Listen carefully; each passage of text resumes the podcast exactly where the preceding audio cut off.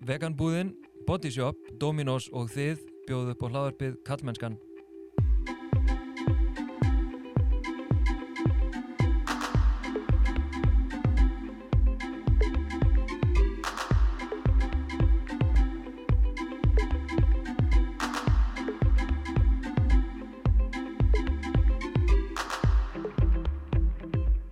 Ég heiti Þorstein Maff Einarsson og sé einnig um samfélagsmiðlinn Kallmennskan á Instagram og Facebook og kallmennskan.is þar sem þú getur meðal annars gerst bak kjarl með mánaðarlegum styrtar greiðslum.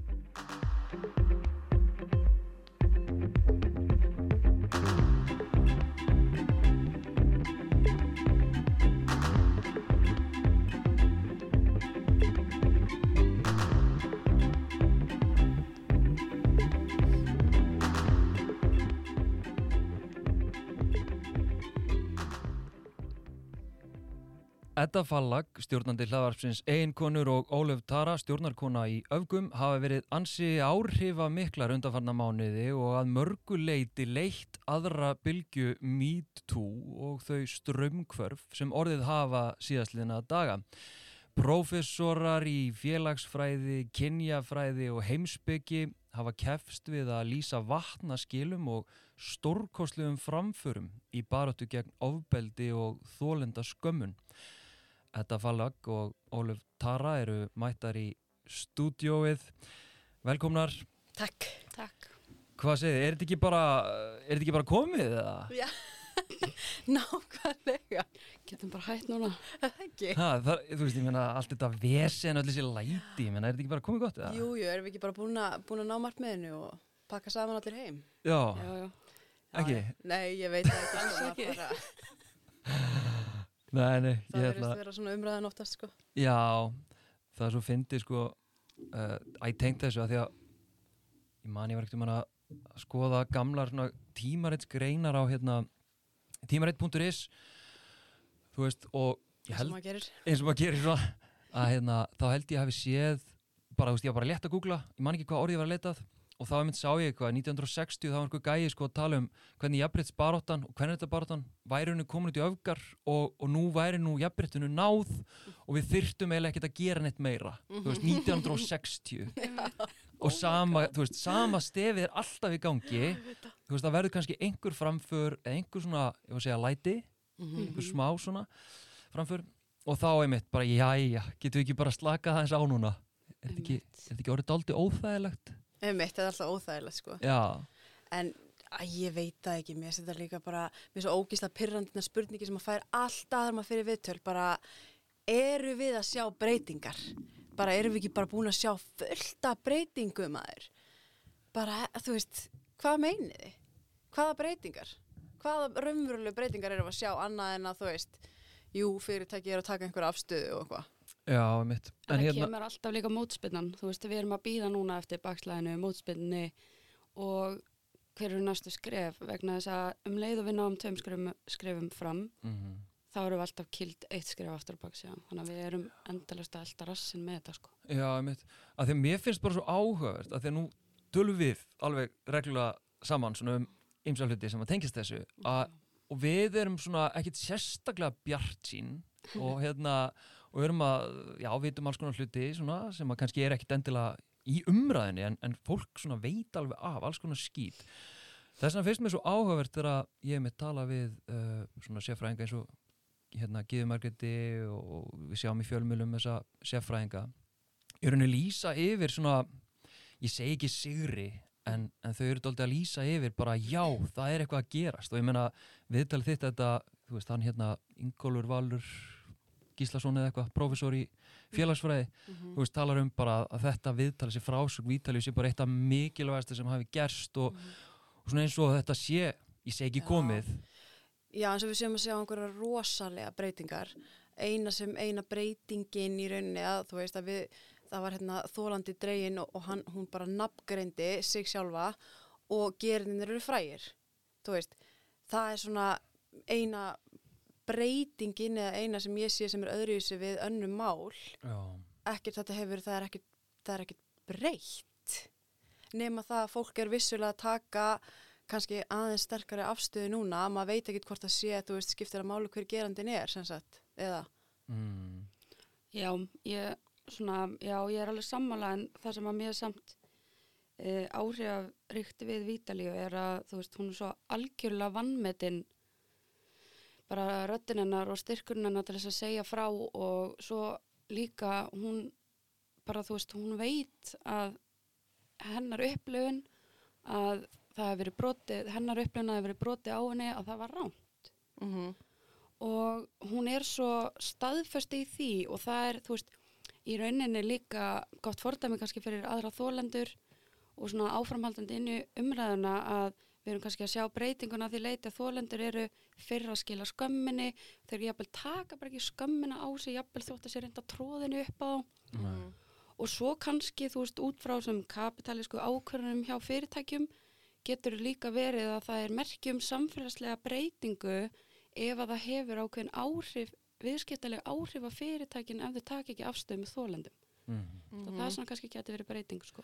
Já, um, veist, ég veit, ég sé náttúrulega ekki kommenta allavega eitthvað fréttamilum og svo sem kannski ekkert endilega á Facebook fréttamilunum heldur. En ég veit ekki, hafið þið reykist á, ég meina er verið að drulla yfir til dæmis Vítalíu sem að núna er daldið svona í veist, er verið að gera lítið úr henni, þólandaskama hana eða er fólk að styðja hana, hver er svona ykkar tilfinning? Sko mín allan er svo að náttúrulega fólki sem það eru ótrúlega margir sem stiðjana og ég held að sé, ég hef aldrei sé jafn marga einhvern veginn stiðja í tólanda sem kemur fram. Mm. En svo er náttúrulega alltaf hérna skíturinn sem er hérna á kommentarkerfunum sem bara, það skiptir ekki máli hver það er eða um hvað máli snýst, það bara drullar yfir. Það veit ekki, það lesa ykkur ekki sem frettina, skilju. Nei, Það er bara þarna til þess að segja einhvern skít. já, En mér finnst meira uh, fólk vera sko, allan það sem ég sé sko, já, já. finnst mér. Já, ég tek svo sem ekkert eitthvað rosa mikið mark á kommentarkerfunum að því að þú veist, það er náttúrulega bara lámenning þjóðarinnar er annars, skilur við. Þetta er ekki rjómi samfélagsins, sko. Alveg. Þannig að þú veist, ég svona, ég finn það alveg, það eru, það eru fleiri karlmenn, veist, það er fleira fólk í valdastöðum, það er meira ofinbæri fólki sem er kannski svolítið svona að opna augun og er ekki beint að frussa drulla með munnunum, sko, eins og Já. hefur verið mikið, sko. Nei. En þið, þú veist, þið sjálfar, því að þið eruð eins og Geðmarget, ég er alltaf að vísi hana núna, hérna, það er bara því ég var að gjúð þátt í germiðinni, en hérna, eða í dag, uh, þú veist, hún talar um mengandi kvenleika og hún talar um, og ég til hann að vera meðal hans að vísa til ykkar, að við höfum mjög sterkar fyrirmyndir og byrtingamyndir mengandi kvenleika sem að er bara algjörlega fokking drull, veist, og ykkur er algjörlega drull og þið bara vaðið í skítinn og hérna, Emitt, þú líst í sjálf þetta að hérna, þú viljir, ég man ekki hvernig þú orðaðir þetta, hérna, það sem er, Svo í niðurfallinu. já, já, já, taka það upp já, eitthvað já, já, ummitt. og, og hérna, og hefur náttúrulega tekið ótalmörg viðtöl sem að engin annar myndi gera, Mhm. þú veist, þannig að þú ert svo sannlega að, varpa ljósi á, á það sem er hérna undir niðurfallinu og ykkur er alveg drull, þið bara vaðið í þess að hérna, meintu gerendur og þið segir hlutina algjörlega umbúðalaust og þið er alveg, þú veist, innan gæsala bara ofbúðslega óþólandi og óþægilegar og, hérna, og allt þetta. Mhm. ég meina hvernig hvernig reflektið þið á það sem bara er í gangi? Eru þið bara eitthvað Mhm. yes, það er eitthvað að gerast. Eða eru þið bara svona fuck af því að það er svo mikið verið að drulli yfir ykkur Sko ég, ég, ég les aldrei, ég fæ aldrei sendt neitt drullið yfir mig að ég skoða aldrei og mér er alveg drullið saman það sko. En mér finnst alveg smá, það sem pyrra mig líka við umræðan við sem að sjá, þú veist, erum við ekki bara ókslega fegin, þú veist, erum við ekki að þess við sem að sjá breytingar. Uh, að vissu leiti, jú, en segjum sér svo að uh, ég hefði kannski bara sagt við Vítalíu, æ nei, herri, ég hef ekki tíma að taka þetta viðtal. Hvar, þú veist, hún hefði valla gefið út bara sitt eigið viðtal á YouTube, skilur hún hefði hún fengið tækifæri á að koma sinni sögu fram eða þarf alltaf að gera allt fyrir fólkið í valdastöðu sem hefur eitthvað sem getur gert eitthvað, þarf alltaf að gera allt fyrir fjölmiðla, þú veist, er þeim alveg sama? Mm. þú veist, núna er þau bara eitthvað wúhú, bara þú veist, bara þvílitt flott hjá ykkur. Og, og bara okkur, þvílitt flott hjá okkur sem samfélagi. Hvað gerðu þau? Er þetta að vísa til fjölmiðla eða Já, og bara stjórnendur fyrirtækja, fólk sem vissi, fólk sem, þú veist, var að tala um þetta og og ég sérstaklega varpa sko ábyrjunni yfir á það sem geta gert eitthvað, þú veist, fjölmiðlar geta alveg fjallað um þetta. Það er eitthvað sem, já, okkar, hendurnar hjá okkur er bara alveg bundi bak við hendur, þú bak og bak og þetta. við gátum náttúrulega ekkert og hérna, við vissum ekki alltaf þetta, mm. sko hvað kjaftaði er þetta og svo bara, já, við sem samfélag við erum að sjá breytingar er það? Þú veist, næst er að kemur eitthvað upp. Ætlar að ætlar, þú veist, ætlar að sjá um þetta eða?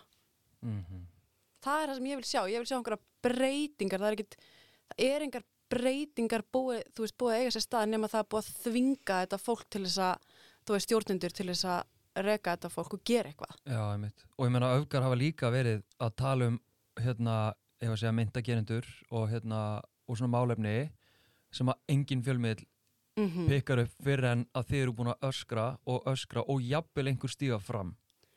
Já, það er oft eins og þeir séu mjög treyir til og fela sér sko á bakvið að hérna þeir megi ekki, þú veist, einhverja síða, síða reglur, bladamanna og allt þetta en það veriðist sem vera svo að hérna að það eiginlega gangi ekki yfir þólendur sko.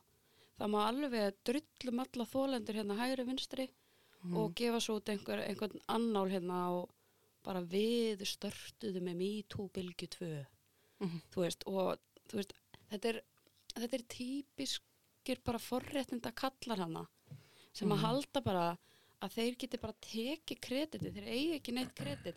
Þólendur eiga náttúrulega fyrst og fremst kreditið fyrir að gefa okkur tækifæri á að vekja aðtekla á söguna þeirra gefa okkur tækifæri bara sem samfélag að grípa þau og gefa líka bara þú veist, þeim sem eru í valdastöðum tækifæri til þess að hlusta á þeirra frásögn og bara hvað ætlum við að gera núna ætlum við bara að setja á höndunum gera ekki neitt eða ætlum við raunverulega að gera breytingar og láta þessar frásagnir og þessar berskjöldun skipta máli Já. En mér finnst samt pínu, sko, það er hann einn miðl sem að, taldi sig hafa startað MeToo, hérna, bylginu, sem er náttúrulega, er þvæla, sko, en til þess að gefa þessum slúður miðlum sem að í rauninni hafa ítrekka grafið undan, ég allavega þér þetta og hérna, og svona slegið þeir upp í óþægilegar fyrirsagnir og annað.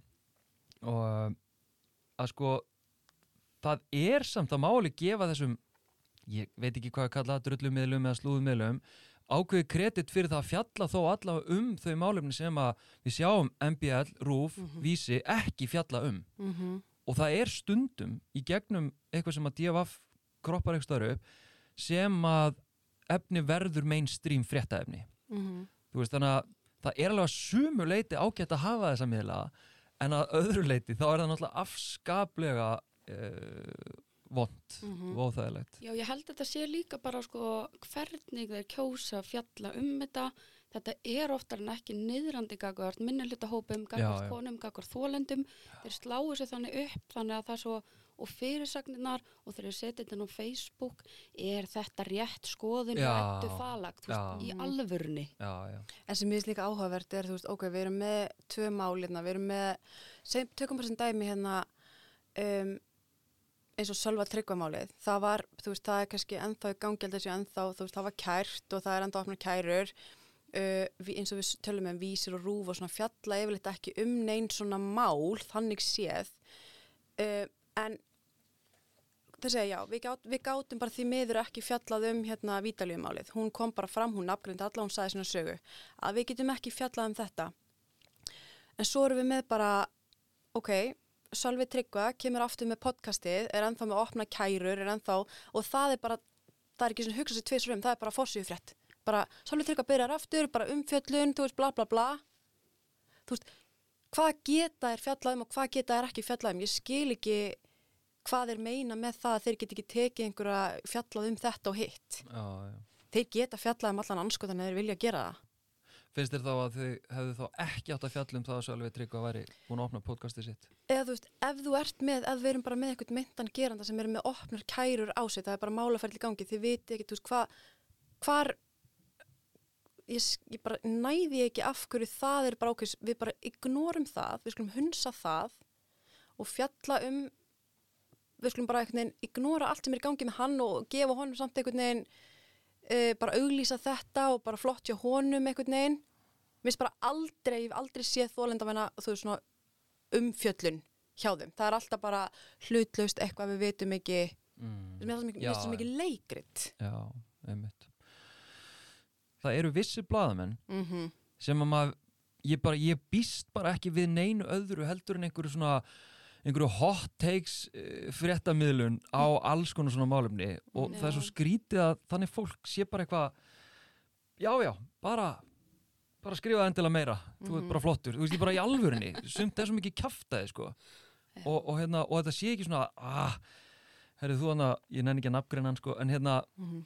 þú veist, í alvörinni bara nennir að aðeins að hætta þessu hérna feðraveldis kalla kalla teiki á fokking öll málefni Mhm. bara alltaf fundið vestu teikin Já. versta sjónarhóðin á einum stærsta fréttamili landsins þetta er, þú veist, í alvörinni svo En óþólandi þetta er held ég bara líka samtrygging feðraveldisinn sem nær bara svo ótrúlega djúft. Þú veist, við búum að litlu landi og það þekkja allir alla og það vita allir, þú veist, hver þessi er og, veist, það, og það er svo, ég held sko að málenar vítalíu mun líka sína okkur hvað samtryggingin er rosalega sterk og þetta bræðralag og allt þetta og ég held að, það, ég, ég held að þetta sé kannski bara upphæði af því að við fáum að krafsa í þetta í raun og veru. já, Mhm. einmitt og sko talandi um samtrygginguna og hérna og svona þræði valdsins út um allt ég meina um, þú veist, það sem að til dæmis augum hafa verið að gera og þú þetta og þú veist, ég veit ekki tengt þessu viðtalið við Ítalíu og, og eitthvað annað um, hafið þið aldrei fengið svona annarkvært beinar að óbeinar hótanir eða einhverju nálgast ykkur á svona óþægilegan hátt til þess að reyna svona að þakka niður í ykkur og, og, og beina ykkur eitthvað annað? Ekki, ég hef bara lendi í það hérna þessir einhver, einhver maður í umræðinu sem hefur verið, þú veist, kansilaðinan gæsalappa hefur komið upp að mér og, og reynda, þú veist, þakka eitthvað nýrið mig þannig en ekki frá, mm, þú veist, þetta er ekki eitthvað daglegt brauð, sko. Nei. en þannig að þú veist að, að því er að velta fyrir mér þú veist, þegar að þú einmitt, setur svona viðtal út Mhm. það sem að er jafnvel þekktur gerandi eða gerendur færðu s- þá aldrei heldur eitthvað svona til, til þín svona, herri þú ættu nú ekki að byrta þetta þú ættu nú ekki að taka viðtal þessa manneski ekki fara í þessu umfjöllun Jú, svona viðvaranir Jú, jú, en það held ég, ég mitt komið bara svona kannski frekar að einhverju hræðslu og fólk svona frekar að umhyggju, sko. já, sem Eh, stendur þá nær Já, frekar sko, bara svona Mm. ertu viss eða þú veist, eh, jafnvel, já, eitthvað svoleiði sko. En svo eru auðvitað líka fyrirtæki sem kannski, þú veist, ef þau, það er oft sem maður kannski, hérna, ef maður er að auglýsa fyrir eitthvað fyrirtæki að þá reynar að setja mann einhverja hömlur sko. mm. Og hérna, og ég veit ekki hvaðan það, hvort það komið bara frá einhverju hræðslu eða vil ekki taka afstöða, hvort eitthvað bara svona, þú veist, Mm. þetta er náttúrulega viðkvæmt og fólk er svona rætt við alls konar. þannig að þú beðin um að tóna þið niður og vera ekki svona óþægileg. Já, eða, ég náttúrulega vinna ekki með svoleiðis fyrirtækjum, nei, nei, nei. En, en já, ég fengi þannig bóð sko, ég bara já, þú veist, nei takk, takk samt sko. En þú alveg þarra Jú, jú, jú, uh, við fáum alls konar, þú veist, það er reynd að hafa áhrif á okkar umfjöllun og það þá kannski einhver sem við kemur þú gerandanum í því máli eða, eða hérna kannski jafnvel gerandan sjálfur sko. já, sem að hefur þá sambandi við ykkur og, og er að reyna já, hvað? Um, oft er þetta að reyna að halda því fram að þú veist að, að konan sem umræðir eða þólandan sem umræðir er bara, er bara veikur og geði og það er ekki hægt að taka mark á þólandanum um, jafnvel vændur líka um að vera sjálf ofbeldismanneskja um, og svo höfum við alveg fengið hérna þú veist, við höfum alveg lent í fjölskyldumæðlumum sem að sitja bara um okkur sko Aha. bara fyrir utan húsið þér Nei, bara þú veist, þeir eru bara öllum miðlum að hérna, drull yfir okkur, sendandi okkur e-mail og, og skilaboð, þú veist, einstaklingunum, þú veist, okkur enga skilaboð og alls konar, sko. What? Og við erum alveg fengið svona, það er verið að fylgjast með ykkur, passið ykkur núna. Það er fólk út um allan bæ að fylgjast með ykkur. what? Jep. En sko, þetta kemur ekkert óvart, en já, sko, ég skil ekki bara hvernig, hvernig þið báðar, hérna, og þú veist, þú núna undanfæri sérstaklega, hérna, Ólið þar að tengt einu máli, þar sem að þú ert, sko, að adressa ákveðin, ákveðin mál og Mhm. veður í þau og svo bara einhvern veginn talar um þau, bara alveg, bara eins og þú óttist ekki neitt, bara, þú veist, hvernig einhvern veginn svona, hvernig nærða að vera svona algjörlega drull? Hefur þetta engin svona áhrif á þig þannig að þú svona, að ég veit ekki hvort ég ætti að segja þetta eða hvort ég ætti að gera þetta Nei, Hvaða mál eru á talum minna? hérna sem við vorum að spjalla um hérna þegar ég frontaði geranda. Já, já, já, Já. já. Um, Já, bara til dæmis, þú veist, Já. það er svona alltaf ótal önnur mál en þetta er bara svona nýjasta sem að mhm, já, því að við vorum einmitt að- aðeins að spjalla saman og, og hérna, þú ert að fronta Já, þennan félaga já, og hérna, og hann bregst illa við og þú Já. bara ekki beint nafngreinar hann, en þú átar hann þú veist, og lýsir bara, þú veist hversu fokkt á þetta er, þessi Já. viðbrögð algjörlega. Já, deildur þessu í stóri, hvað hannu? Ég sett á Twitter. Já, þú það á Twitter. Já. Ok. Næstu við hittingur og það var næst. Já. Nei, já, unnmitt, unnmitt, já. Sko, nei, veist að ég held að sé bara því að ég veit að í hjartanu mínu að ég er að gera rétt og ég veit að hérna að ég stend fyrir eitthvað sem að bara, þú veist, í bara aldir hefur verið brotið á þólendum og mannréttendum þólenda, skilur og ég veit að ég er að, ég er að taka rétt skref um, ef ég hefði einhverja efasendir þá held ég að ég væri kannski svona smá tvístegandi en svo er það líka bara eins og þegar ég fekk um, kröfubriði frá Ingo á sínum tíma Já. þá var ég bara djöfull er ég búin að fá nóg að marka lausum fokkin köllum ég nenni þessu ekki Já. ég nenni ekki að láta á að hræða mig en í grunninn þá eru þeir miklu hrættari við okkur heldur en í raun og veru við þá sko held ég Mhm. Já, en ég meina, og einmitt það því að við báðar fengið, er ekki meiðir það kærur, Mhm. eða hvað? Jú. Nei, ég bara fengið kröfubrið en þú, þú Já, ég hefur- fekk með þér það kröfubrif. Eða kröfubrif, já. Ég fekk ekki... Og er það ekkit svona sem að, svona, fuck, ég þarf að passa með hans betur? Nei, Nei, ég held að það ekki verið eitthvað svona ég þarf að passa mig. Heldur þetta er meira bara svona, oi bara hvað, þú veist, fólk getur verið ógeðslegt. Þú veist, uh, sérstaklega kannski tengt mínu kröfubrifi. Þetta er svona, alg, maður sé bara algjörlega, þú veist, því ákveð, þú ert bara algjörlega seðlus. Og hérna, ekki einhver hræðsla, en auðvitað verður maður bara svona, dóldi búin á því einhvern veginn Já, sem kannski drífum maður líka bara aðeins áfram en, en þú veist, maður, ég ætla ekki að sitja hérna og ljúga að, ég hafi, ekki- að maður hafi ekki fengið smá bara svona, oh, þú veist, þú Mhm. er þetta fokkin erfitt og en, en ekki eitthvað þannig að ég bara hefði mjög langa bara að hætta og þetta er bara, þú veist, ekkert eitthvað nei, nei. en auðvitað er þetta fokkin ömulegt Mm. Já, þetta er það sko. Og ég meina auðvitað er ókslega leiðilegt að, að þú veist að menn sé að reyna að nota valdi sitt og nota statusin sinn í samfélaginu til þess að gera lítið úr þér eða hræða þig eða, eða þakka í þér. Já, sérstaklega að þú, að þú ert hérna, það er tjáningu frá síru landi og þú mátt segja, þú veist, mér var naukað og hérna, og það að einhver, þú veist, einhver út í bæ komið bara eitthvað hérna, fuck you og þína upplifun, þetta bara kæraði fyrir þetta. Ég veit ekkert hver þetta er, en þetta bara fucking kæraði fyrir þetta. þú veist, það er alveg svona, þú veist, auðvitað er það bara svona, uff, þetta er bara mest mesta tráma í lífinu, þú veist, takk fyrir að taka það bara og fucking trafka á mér. Það sýnir alveg ákveð bara svona ákveð, þú ert bara gjörsamlega siðlus og þér er bara nákvæmlega fokkin sama.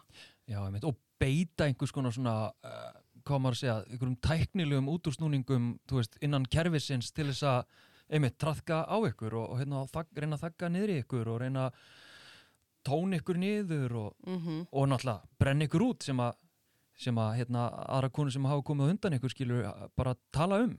Já, algjörlega. Hvernig fjölmiðlar og hvernig valda fólk og hvernig í rauninni samfélagið grefur undan svona konum eins og ykkur þannig að mm kemur ekkert á óvart að, að þetta takja á Nei, Nei, maður verður líka bara að velja hvernig maður ætlar að, að að vinna með það, það þarf ekkert að vera þannig að ég hef oft séð umræðan um það bara já, ef þú ert í hérna, aktivisma svona lengi þá mynd þú brenna út bara, en auðvitað getum við öll uh, reyndi einhvern veginn að vinna með það og hvernig getum við komið í veg fyrir það að við séum ekki að brenna út.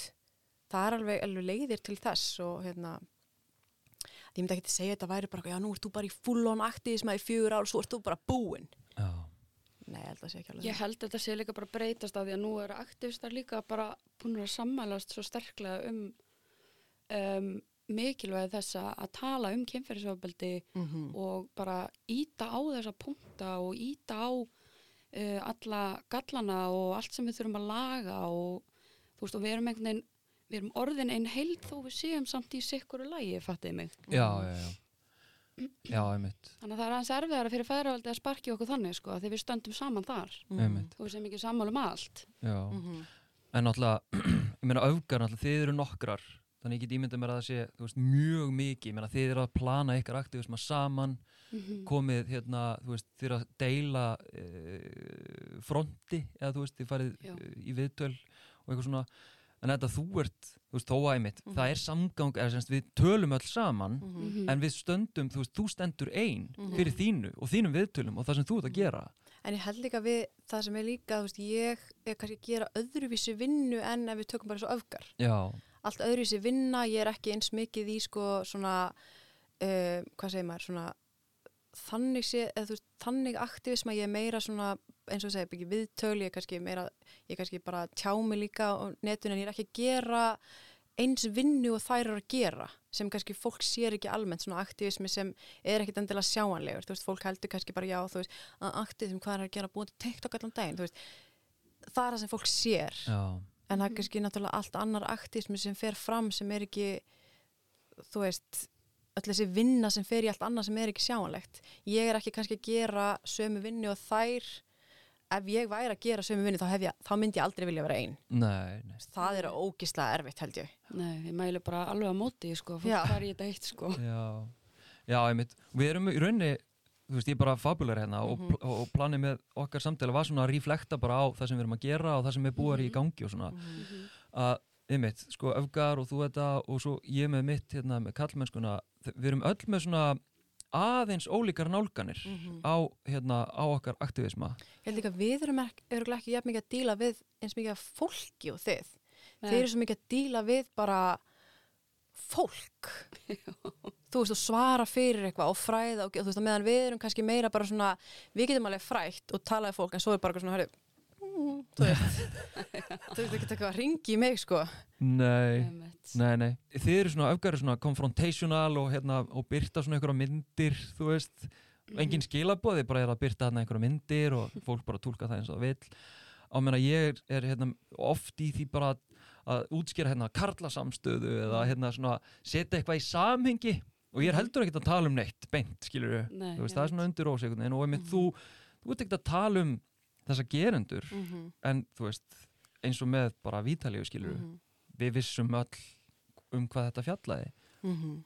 Þú veist, þannig að þetta er svona ólíka nálganir Já, algjörlega, sko. Og ég held að það sem hafi breyst líka með tilkomið einkonur er að þólendur fá bara free space til að tala sko já, og segja sína frásögn hömlulegst sko. Ég held að Mhm. það sé bara geggjað sko. Já, og náttúrulega sko, einmitt, ef maður er að reflekta þess að, að veist, hvers vegna hefur þetta svo mikið vægi þú veist, það þegar einmitt eins og hún kemur til þín í Mhm. viðtal er náttúrulega af því að þú hefur skapað þetta stóra plattform, Mhm. skapað þetta stóra rými fyrir röddina þína og fyrir rattir til dæmis þólenda Mhm. þú veist, þannig að Mér einmitt eins og, mér var svo fyndið þegar hérna ég var í, held ég viðtalið gær, það sem spyrir henni, af hverju, af hverju kjósa hérna, hérna þólendur að koma frekar í podcast? Hugsaði bara, af hverju kjósa þeir? Þú veist, fyrsta lagi fá þeir ekki neitt annan plattform, mm það var haft samband við fjölmiðlega eins og með vítalímáli, -hmm. ekki hún neitt, þú veist, Mhm. þú upplifir ekki eins og þér sé trúa eins og einhver langi til þess að hjálpa þér þannig að auðvitað velur að tala við einhvern sem er tilbúin til að sitja hérna og hlusta bara á þig einmitt væntanlega Einmitt. og veist, ég held alveg að einhver leiti sé kannski rétt að fjölmiðlum, þú veist, veist, þessi stóru miðlar allavega þú veist, þeir þurfa að vinna eins öðruvísi heldur um Mhm. við megum vinna þú veist, við megum alveg gera alls konar hluti Mhm. þeir þurfa að spurja óþægileg spurninga vera, vera hlutlaus og spurja þú veist sem er náttúrulega ekki hægt það er ekki hægt að vera Nei, hlutlaus Í, það er það, er, það er alltaf eitthvað sjónarhótt það er alltaf eitthvað hann á bakvið Mhm. í, í fjölmiðlun, það, þú veist, bara hlutleysi bara, ég hef ofnað fyrir þessu orði þegar fólk segist, mm. Mhm. já, ég er nú alveg hlutlaus hérna en, en bara, nei, það er Mhm. alltaf eitthvað Algjörlega. alveg eins og mér langar að tengja þetta við að því að núna erum við að sjá uh, fyrirtæki eins og ég maður sagði hérna áðan nefndum, eða þú nefndir uh, það sem fyrirtæki verðast vera að taka afstöðu eða mm þau, þau eru að bregðast við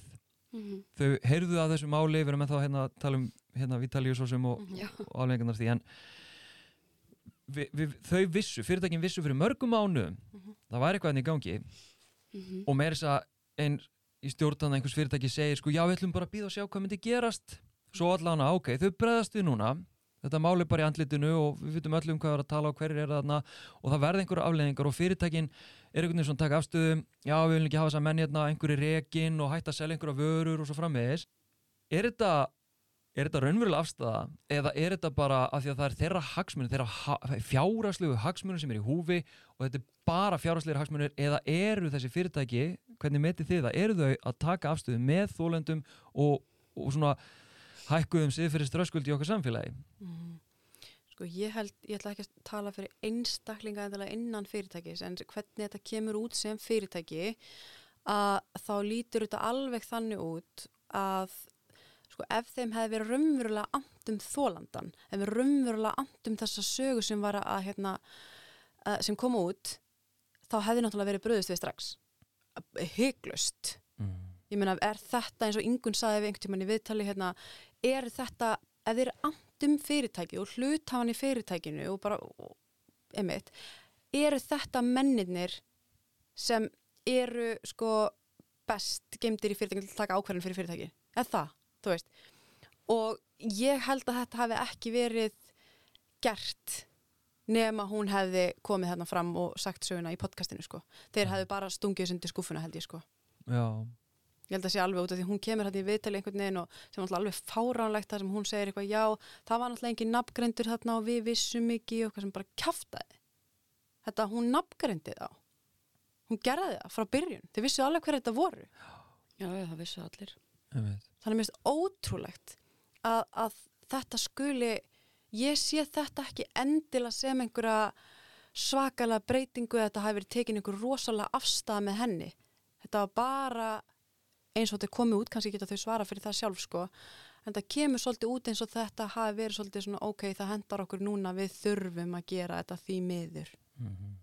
Þetta samanlega því álutara Já, þú veist, þetta er náttúrulega, eins og ég sagði kannski aldrei áðan, þú veist, þetta er kannski merki um það að það sé einhverja breytingar í samfélaginu, að fólk sé frekar að sniðganga fyrirtæki, en ég held að í stóra samenginu að þá hafi þetta miklu starri og meiri áhrif á starri fyrirtæki út, þú veist, annar staðar en bara á Íslandi. Já, Að þessi mennskiluru, þeir eiga hluti hér og þar og, og ég, þú veist, fekk alveg hérna, frásagnir af því að þú veist í nóvember var einn af þessum mönnum búin að segja sér frá stjórni í fyrirtæki í bandaríkjanum sko. ok minni tolerans fyrir þessu þar mm. þannig að hérna um, að því að þú veist, þessu er klínt framann í fólk bara sjáu þetta, þið verðið að horfa þið verðið að hlusta, Mm þið komist ekki hjá því -hmm. að þá var tekin ákveðin afstæða, skilur við, af viðskiptalegum ástæðum um, og í yngri yfirlýsinga kom einhver einlægur stuðningur heldur til þólanda sem segir mann líka kannski svolítið hversu kapitalist þetta er. Já, einmitt. Og ég, ég ætla að brúa hérna yfir í, í sko peninga og aktivisma að því að, og ég er svo sannlega ekki hlutdræg, hérna hlutlaus, hérna ég er alveg hlutdrægur, en ég bara, ég var svo hugsi sko að hérna, ef að, ef að segja, fólkið með miklu peningana og fyrirtækin með allan annan pening væru í alvurni tilbúin til að taka afstöðu uh, með baráttunni gegn til dæmis skadleiri kallmennsku, karlægni og með þólendum uh, hvers vegna er ekki verið að dæla peningum í öfgar til dæmis veist, hvers vegna er ekki verið að fjármagna aktivisman hvers vegna er ekki, hvers vegna eru þau ekki búin að hérna, einhver svona fyrirtæki búin að ringi því þetta og bara, herru, við viljum endilega fjármagna sem þetta gera, þetta er svo flott fyrir samfélagið og rosalega mikilvægt, hvers vegna er ekki búin að hafa samband við mig og, og hérna, bjóða mér að þú veist, fá greiðslur fyrir það sem ég er að gera af því að það skiptir máli að, að hérna, skoða skælega kallmennsku og, og augra henni og búa til rými fyrir annars konar tegund af kallmennsku Mhm. Akkurat. Akkur ekki vera að fjármagna græsrótastarfið og aktivisman Akkur ekki vera að dæla fjármagni í, ég veit ekki, málfrelsissjóðin og hérna antirasistana og, hérna Mhm. feminisk fjármál og bla Akkur er bara vera að taka einhver svona afstæða núna og af hverju er bara verið að veita fjármunum uh, svona á, á forsendum í rauninni fyrirtækjana, þá er ég að meina í gegnum einhverja samfélagssjóði sem er búið til eitthvað momentum þar sem að þau segja já við settum alveg heilar 5 miljónir í þessi flottu málefna því að við erum svo flott og samfélagslega ábyrgt fyrirtæki. Mhm. þú veist, er þetta ekki bara kjafta eða? Eða, veist, er þetta, er þetta síndamennska að mál spurja sig. Ég meina mér finnst alveg ákveðin síndamennska fólk nýti sér alveg me too og hérna þess að bara að vera í flottum myndböndum fyrir að því þau vita alveg að þetta er samfélagslega gott. Það sést alveg langa leiðir. Og það er líka svo stuðandi í þessu öllu saman að horfa á fólkið í, í valdastöðu og ríkistjórn vera, þú veist, ofinberlega persónlega segja þetta er flott og ég stið þetta og áfram þið. En svo bara ekkert meir. Bless, þú veist, ekki sett fjármagn í neitt, ekki gert neitt ekki, þú veist. Að ég veit það ekki, mér setja allt svo, þú veist. En sleikja samt rjóman af sko árangrinum. Já, Já, skilur, já. eins og bara núna nú er þér hampað þetta Mhm. fyrir þetta frábæra viðtal og, og það sem þú ert að gera. Mhm. en fram að þeim tíma þá varstu bara óþólandi ja, þú veist, já, já, já, hvernig þetta var að presenta í, já, algjörlega. Þetta er nefnilega, og þetta er líka það sem er svo pyrrandi við þetta að þú veist, við getum gert tímislegt við erum alveg með það eins og ef við tökum bara, kannski, veit ekki hvort þessi gott dæmi en þetta er eins og með sálfræðþjónustuna það vita allir að það er ógeðslega gott og til langtíma, langstíma er það langhagstæðast fyrir samfélagið. Mhm. og það er óslega dýrt að hafa allt þetta kynferðisofbild, það er óslega dýrt að vera með vanlíðan hungu fólki, öryrkja og allt þetta. En við vitum að það er óslega gott að niðugra sálfræðiþjóðust og það er bara tjekk, já, klárlega en síðan þegar kemur að því að þurfa að eyða pening í það að þá er það bara þá tímum við því ekki. Mm Akkur til dæmis er ekki verið að dæla fjármunum í hérna sálfæraði þjónustu fyrir allar þessar konur sem hafa opnað sár sín undan farna mánuð og ár. Akkur ekki verið að dæla peningum í, í það? Og þar eru við bara að tala um sko til þess að hérna svona, hvað ég segja, greiða skuld fyrir þetta ömurlega kerfi sem að hérna konur hafa þetta búa við þú við veist. erum, við erum ennþá svo mikið í þessari auðmingjavæðingu þú veist, þetta er bara auðmingjar þið bara rífi ykkur upp, rífi ykkur í gang ekki setja bara raskatinn og grenja þeir við erum ennþá þar mm. við sáum þetta alveg, við sáum þetta alveg á Twitter að fólk bara með það hérna taka sér eitt frítag í vinnu, þú veist, allt Já. þetta þú veist, það var bara allt sturdlað og mest af þessu var allt sjálfstæðisfólk sorry, en þú veist ég, ég ber engan kalla til sjá- sjálfstæðismanna þú veist, Er það ekki? já þú veist ég ætla að segja það hér en, en þú veist, þetta er bara svo þetta er bara svo augljóst, sorry Já, Já, en í, svo ef ég færi til dæmis, ef öfgar til dæmis myndum fara bara inn í fyrirtæki og myndum fara bara inn í eitthvað svona kalla-kalla fyrirtæki það myndum allir ránkvalva augunum að því við varum að augra svo ótrúlega miklum sko ránkumundum og þannig stöndum við bara eitthvað þríti og konur, bara hvað viti þið? Þú veist, ég er hérna með þrjár miljónur á mánu í launið eitthvað, þú veist, bara hvað viti þið hérna? þeim, já, þeim finnst öllum, öllum eins og þeir hafi þú veist, unnu svo ógisla vel fyrir og þeir vinna svo hart og þið getur bara drull til að gera það sama þið sem þurfið á sálfræði þjónustu að halda og gera ekki neitt og öryrkjar og aumingjar og þú veist, ok, lendur í einhverju ofbeldi þú veist, það er 20 ár síðan þú veist, allt þetta er held ég enda svo ógæðislega rótgróð í samfélaginu. Já og finnst ekki þess virði að eyða mörgum, mörgum miljónum, ég hjálpa einhverju fólki sem þú kannski ert, sem þú tilir ekki. Og þér finnst eins og það geti bara einhvern veginn að laga þetta sjálft. Já, veist, einmitt, þú ert að tala um sálfræði þjónustuna, það er náttúrulega bara galið að þessi heilbriðistjónusta sé ekki niðugreitt eins og margt annað í heilbriðiskerun okkar. Og hérna, þú veist, einmitt, það væri til dæmis mjög gott start að byrja að niðugreða sálfræði þjónustu, Mhm. bara í alveg hvenar, hvenar í fokkanum á það að fara að gerast en síðan er annað, önnur umræð sem að, þú veist, ég er aðeins að adressa tengt þessari afstöðu sem að við veltum fyrir hvort það sé síndar afstæða fyrirtækja núna, að hérna þú veist, af hverju að því ég held að ein ástæða þess að til dæmis aktivistar hafa verið að brenna út er vegna þess að þau eru sko með þessa brennandi réttlætskend og eru að standa í einhverju ógeði á sama tíma og þau eru að reyna að sinna annari vinnu og, hérna, og sinna fjölskyldu og öllu Mhm. uh, þú veist, það, er, það er ekki hægt að stunda aktívan og markvissan aktivisma og vera að sinna öllu öðru líka á sama tíma.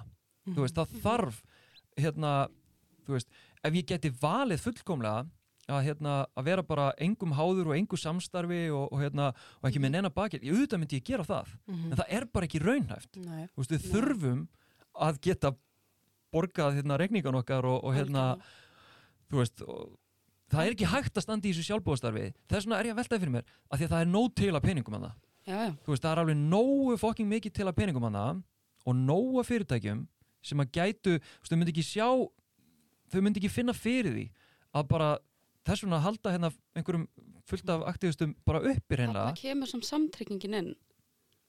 Við búum í svo ógeðslega svona hvern fyrir litanlegu samfélagi og sko þessir veist, meira, meira hlutina sem, sem stjórna fyrirtækjum eru eflaust bara kynfærisafbrótamenn ég ætla bara að leifa mér að, að velta því upp. Ég er ekkert að alhæfa það en ég ætla að leifa mér að velta því upp og svo fer það að koma yfirborðu þá bara já, býttu, herðu hérna Jói sem er í stjórn þarna, hann er að dæla peningum í öfgar, hann bara, hann er kynfyrirsafbrótamaður eða heim, eða bara þú veist, þetta var heimilisofbeldi eða, eða þú veist, þá, það fer allir skíturinn að vella upp. Þannig að þú veist, það er, fólki finnst erfitt að sína ofinbæra afstöðu, dæla fjármagni í vegna þess að undir niðri er bara búið að þrýfast svo ógeðslega mikil, mikil skítur og drull á ofbeldi gegn konum og minnihlutahópum að þeir, þeir eru bara með hendur bundnar bak við bak og bara hvernig, þú veist, hvað ef þetta kemur upp með mig? Mm. Hvað þá? Nú verði mér kansela. Mér finnst líka fólk finnst eins og að, sko, lítur ákveð sem fræðslu að það eigi bara að vera frítt. Ef þú ætlar að fræða annað fólk að það, þá er það gott fyrir alla, þú ætlar bara einhvern veginn að gera það frítt. Mér finnst það oft svona, fólk taka mig oft, sko, oftar en ek- einu svona dag bara í einhver svona, þú veist, uh, bara, býtu, er þetta kost, býtu, á ég að borga fyrir að hlusta? Ertu, ertu ekki að fræða fólk? Áttu ekki að vera, þú veist, eitthvað svona aktivismi, áttu ekki að vera eitthvað fyrir alla? En svo á sama tíma er það náttúrulega bara með Tinder Plus og, og, og þú veist, áskrenda blökastinu, bara ekkert mál. Ok, stöldur maður við það, einmitt. Og það er líka sem að bögga mig og þú veist, kannski er þetta, kannski þú veist, ég veit, ég ger mig grein fyrir það af því að ég er í sér stöðu sjálfur að þetta er svona eitthvað entitled og hérna, og ég er okkur frekur og hérna finnast fólk eða hérna, eða fyrirtæki að borga mér fyrir að gera eitthvað og, og ykkur og, og öðrum. En það sem að líka er ógeðslega stöðandi er þetta ignorandi mitt sem að mér finnst felast í því að fólk er algjörlega til í einmitt að, að borga áskrift að svona fróðu fróðu gríni Mm innihaldslausu, algjörlega merkingalausu fróðu dæmi en setur rosalega mikið spurningamerki við podcastið þitt Mhm. eða aktivisma sem að hérna, eins og ykkur í öfgar sem eru að hérna, bjóða fólki að, að borga fyrir ykkur kaffi eða greiða ykkur mánaðlega þú veist, ég er reyndar aldrei fengið til mín að, hérna, að ég sé að fá greittur það sem ég er að gera þú veist, ég veit ekki hvort það sé að því að ég er kall maður og hérna fæ svona aðeins meira space, ég veit það ekki Ég meina að það fór bara umræða stað þegar við stopnum Buy Me Coffee. Ég meina að Buy Me Coffee stendur non-profit organization. Ekki það þessu renni til okkar persónlega, Mhm. heldur fyrir beint í aktivisman og það sem við erum að gera. En þá var allir bara það þarf nú eitthvað að skoða, skatturinn þarf nú eitthvað að skoða þetta. Þú veist að því að fréttamjölar náttúrulega pikkuðu þetta upp. Ég bara, æ, hjálp. En það er einmitt svo skrítið sko að því ég skil 100% að hérna vilja uh, borga fyrir að hlusta á bara einhverja fróðu, þú veist ég gera það sjálf og mér finnst ógíslega gaman að hlusta á það sem fólk er að búa til og borga fyrir það en það setur alltaf spurningamerki við það ef það er sko ekki fróða þá Já. er það bara svona hm, ég ætla nú ekki að borga fyrir þetta, þetta ætti nú bara að vera frítt En er það ekki bara Já. líka svolítið, þú veist, að því að, hérna, að því að þú ert kona, sko, þú veist, þessi, þetta tilkall til að konur séu alltaf að gefa af sér, sko. já, Já, svo getur það líka verið, þú veist, eitthvað Mm já, að, hérna, þú ert að, að þú ert að hjálpa öðrum að þú skuli vera að græða á því á sama tíma er svona lítið eitthvað svona já, að græða einmitt, Já, sko. græða, þetta er græða á öðrum. já, eitthvað þannig sko. Svona eins og sálfræðingar er að græða á fólki. Já. þú veist, það, það, veist, og læknar er að græða á veikindum. Einmitt. þú veist, þetta er svona, hvað sjónamið er þetta? Veist, hvað, en mér langar aðeins svona hérna, ég veit ekki hvort þið sem að fara enda þetta en hvað, en af því að, veist, núna stöndum við einhvern veginn, það er það er bara eitthvað svona, það er eitthvað í gangi veist, það er eitthvað aðeins að gerast. Það er einhver gerinn hana uh, sagan segir okkur að það muni verða bakslag. Já. sagan segir okkur að, að það muni eitthvað gerast sem að svona ég veit ekki, slær ykkur niður, okkur niður þólundur niður. Uh, hvaða svona fyrir sjáanlega taktík uh, munum við verða vitnað hérna uh, ef þið setið ykkur í völvu sætið og hérna spáðið í framtíðina? Hvaða fyrir sjáanlegu taktík munum við sjá frá samtryggingunni, frá valdaköllum, frá ferraveldinu á næstu dögum eða vikum hvað haldið þið? ég veit það ekki, viltu byrja?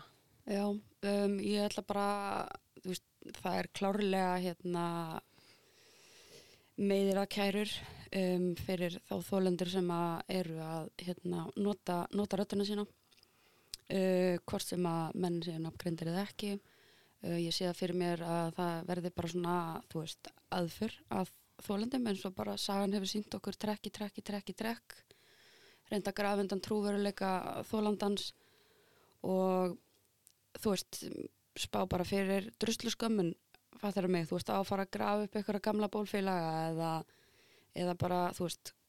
Já, að nota það gegn þólendum að þau hafi stund að kynlíf áður.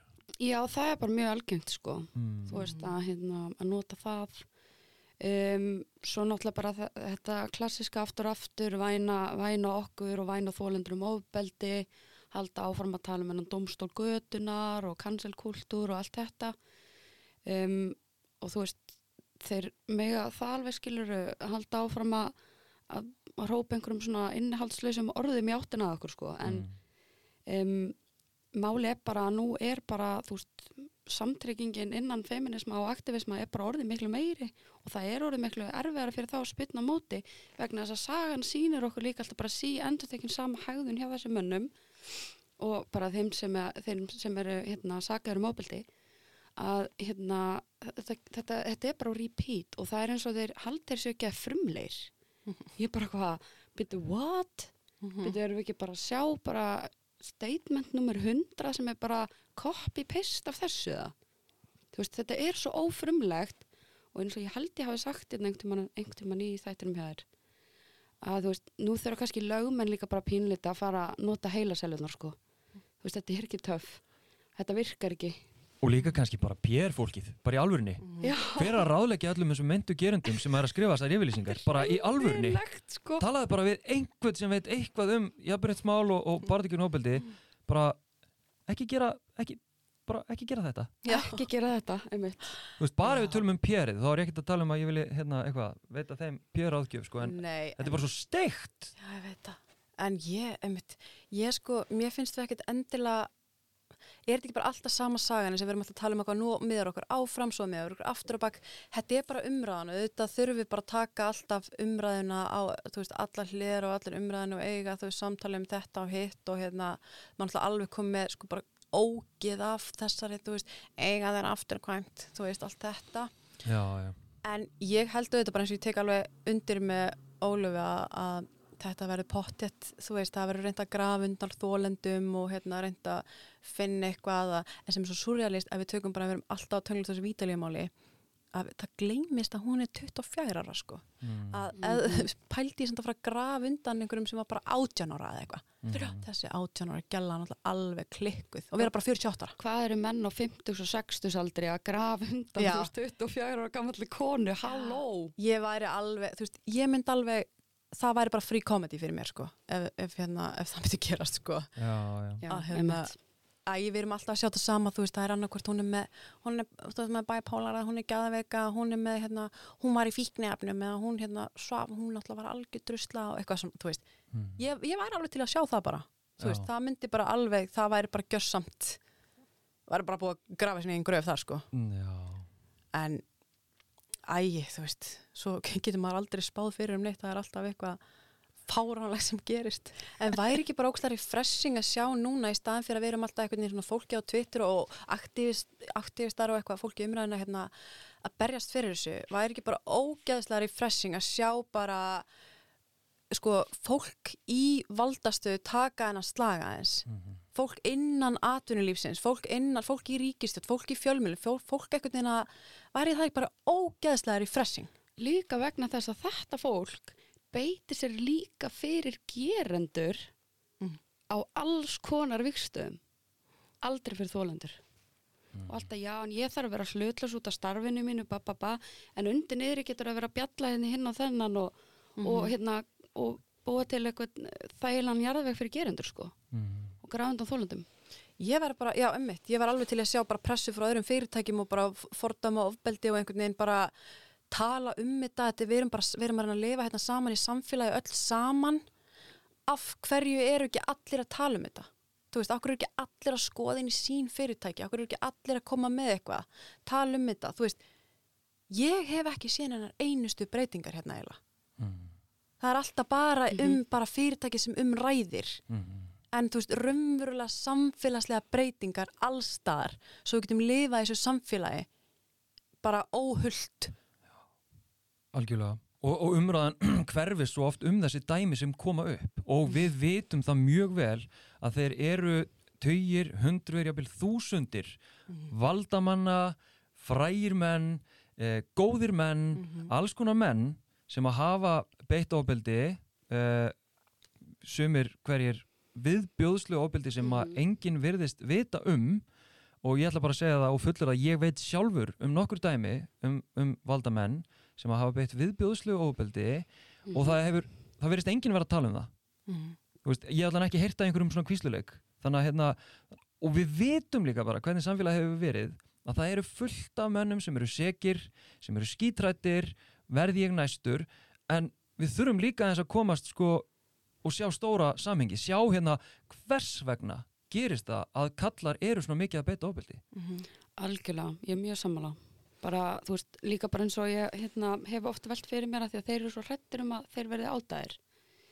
Ég er ángríns og hef bara frá því ég var lítil stelpa verið hrettum að vera beitt kemfyrirsofbeldi eða ofbeldi að hendi maka. Þú veist, þetta er, ég er búin að hræðast þetta bara meira og minna allt mitt líf bara frá því ég var kynþróska og kallmenn fór að hlutgera mig sem konu bara þegar ég var bann Mhm. og þeir eru bara eitthvað, oh shit, sveittur efri veru nefið því hvaða kona ætli segi frá því að ég hafi brotið á henni. En svo megum við líka alveg opna, eða þú veist, ég veit að það er alveg opin numra líka, en þú veist, að þú skulle vera eitthvað að býða eftir því að þú verði næstur í staðin fyrir einhvern veginn bara að fólk líti inn á við og tali um þetta þrátt fyrir að það hafi kannski einhvern tíma beitt ofbeldi. Veist, bara hvað, af hverju þetta býða eftir því að þú verði næstur? Þú veist, það er enginn að fara að brenna, það er enginn að brenna fólk á báli þetta, sko. En við þurfum bara umræðina, við þurfum líka fólk sem getur aðeins litið inn á við og bara, þú veist, hef, hefur beitt ofbeldi? Akkurat. Þá kemur þetta svo sterklega inn á, ég held að það veri Katrin Ólafs sem tala um að, þú veist, og ég upplega svo sterklega þegar ég átti þetta samtal í vikunni, að sjálfsmyndin neytar því að þú sért, hann segir mér þess að við mig að því ég segi, en af hverju telur þú þína, þú veist, ykkar upplifin verður svona misjafna Mhm. og þú veist, ég menna, þú segist hafa drukkið rúslega mikið en þú munir ekki beint og sum, sumt mannstu, sumt ekki já, ég veit bara hvernig maður ég er Já, já, já, einmitt Mhm. ok, Já. þú veist, þarna kemur sjálfsmyndin og egoið og allt þetta Já. þeir sjá sig ekki sem gerendur vegna þess að, þú veist mögulega þegar það hefur vantað fræðislu það hefur vantað bara þessa samfélagslu umræðu og þú veist, þetta er orðið svo skýrt, hvað er að fara yfir mörg við vitum alveg hvað er að fara yfir mörg og það er alveg skýrt, þú veist, þegar ég sé til dæmis fjölmeil að segja bara já þeir fóru yfir mörg vítalíu. Þetta er náttúrulega bara meint kemfyrirsofbeldi þetta er, er ekkit markaleysi. Einmitt, algjörlega. Og hérna, af því að aftur svo ég kvóti hérna gefið margir í svona fjórðaskipti hérna en, en hún einmitt talar um að það er svo stert í körlum að horfa á gerendur svona sem skrimsli já, en ekki sem bara þú veist, venjulegi menn sem bara hluta samfélaginu heldur einhver skrimsli að menna þólendur sem að eru þá oftar konur horfa á, á gerendur sem sjúka eða veika, þú veist, þeir eru bara lasnir einhvern veginn svona, sem er svo áhugavert þannig að skrimslavæðingin alltaf kemur algjörlega í veg fyrir það æmitt, meðal annars að gerendur horfi í einn barm og sjáu, hei, wow þetta er ekki lægi hérna, en síðan líka bara þú veist, burt sér frá þessu, það væri líka bara ótrúlega, finnst mér, hressandi ef að, ef að ef að menn væru bara tilbúinir í auðmíkt og einlægni að, að líta bara inn á við Mhm. og, og sérstaklega þegar að, að hérna, það er verið að fjalla um þá alla þess að þekktu menn mm. ef að, ef að einhver af þeim myndi bara segja ha shit, ef hann, ef hann veit þetta ekki þú veist, ef hann held, held í alvörunni að þetta væri bara í lægi sem hann gerði að hann myndi bara svona Akkur virðist það ekki koma neitt á þá þegar þeir síðan fá hérna frásögnum þetta var ofbeldi, þú veist, hérna þú beitti með ofbeldi, akkur bara fyrsta ég er saklust, þetta er, þetta er nú bara ekki rétt. Mhm. ég ætla hans að bregða mér hérna frá op, op, op, eitthvað, akkur er ekki bara hérna, bara farið inn í einlegnin og auðmýttin og bara ha, í alvörinni Já, oftast er það líka bara að þú, það er ekki eins og hægt að segja í alverunni vegna þess að oftast, oft er þetta bara það ógíslegt, þetta er bara frelsissvifting í marga klukkutíma líka við, bara ásendingurum var það mikill að þú hefur ekkert fyrir þér nema bara ég gerði ekki. já, já, já, Og ég held að sé, þú veist, þar þegar fólk spyrir mig en ei, hvað, þú veist, en ég verið með sína samkend og þú veist, eitthvað, það bara, þú veist, það getur alveg verið á einhverjum tímabóti er bara, það er ekkert hægt að eiga samtalið við svona fólk.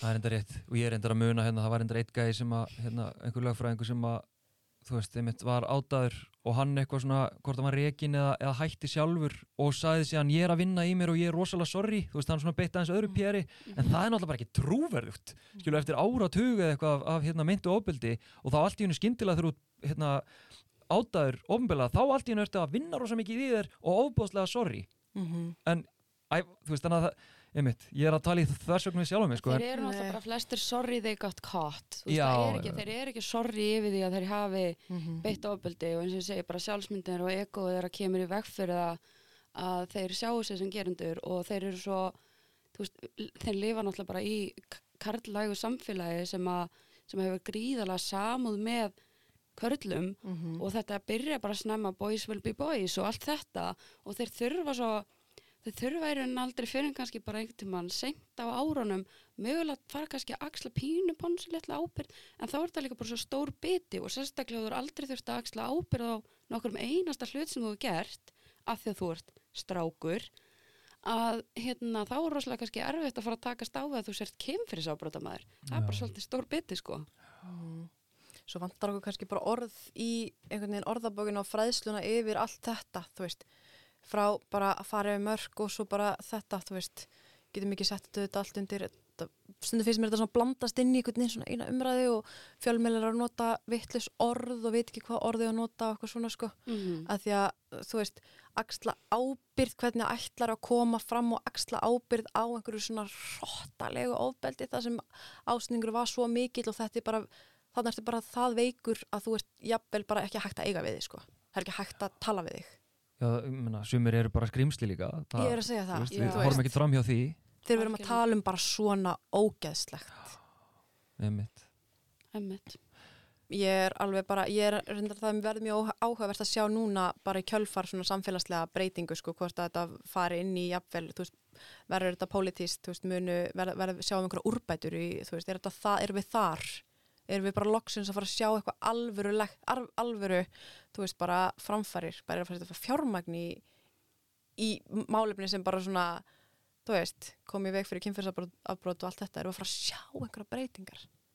Það er það sem ég hlakka til að sjá, sko. mm Já, ég er alveg sammála í tekundur að erum við að fara að sjá breytingar þar, eru þetta tímabundna breytingar, þú veist, um, eru, eru meintir, meintir menn sem hafa komið fram í umræðinni núna undarfarið, þú veist, bara á síðast ári líka, þú veist, eru þeir bara að fara að lörka inn tilbaka, komast þeir tilbaka auðveldlega, hvernig tekur samfélagið þeim, um, þú veist, eru við kannski að fara að sjá ný fordæmi bara um menn sem bara axla ábyrð, mm, hvað ætla dómsmálaráður að gera?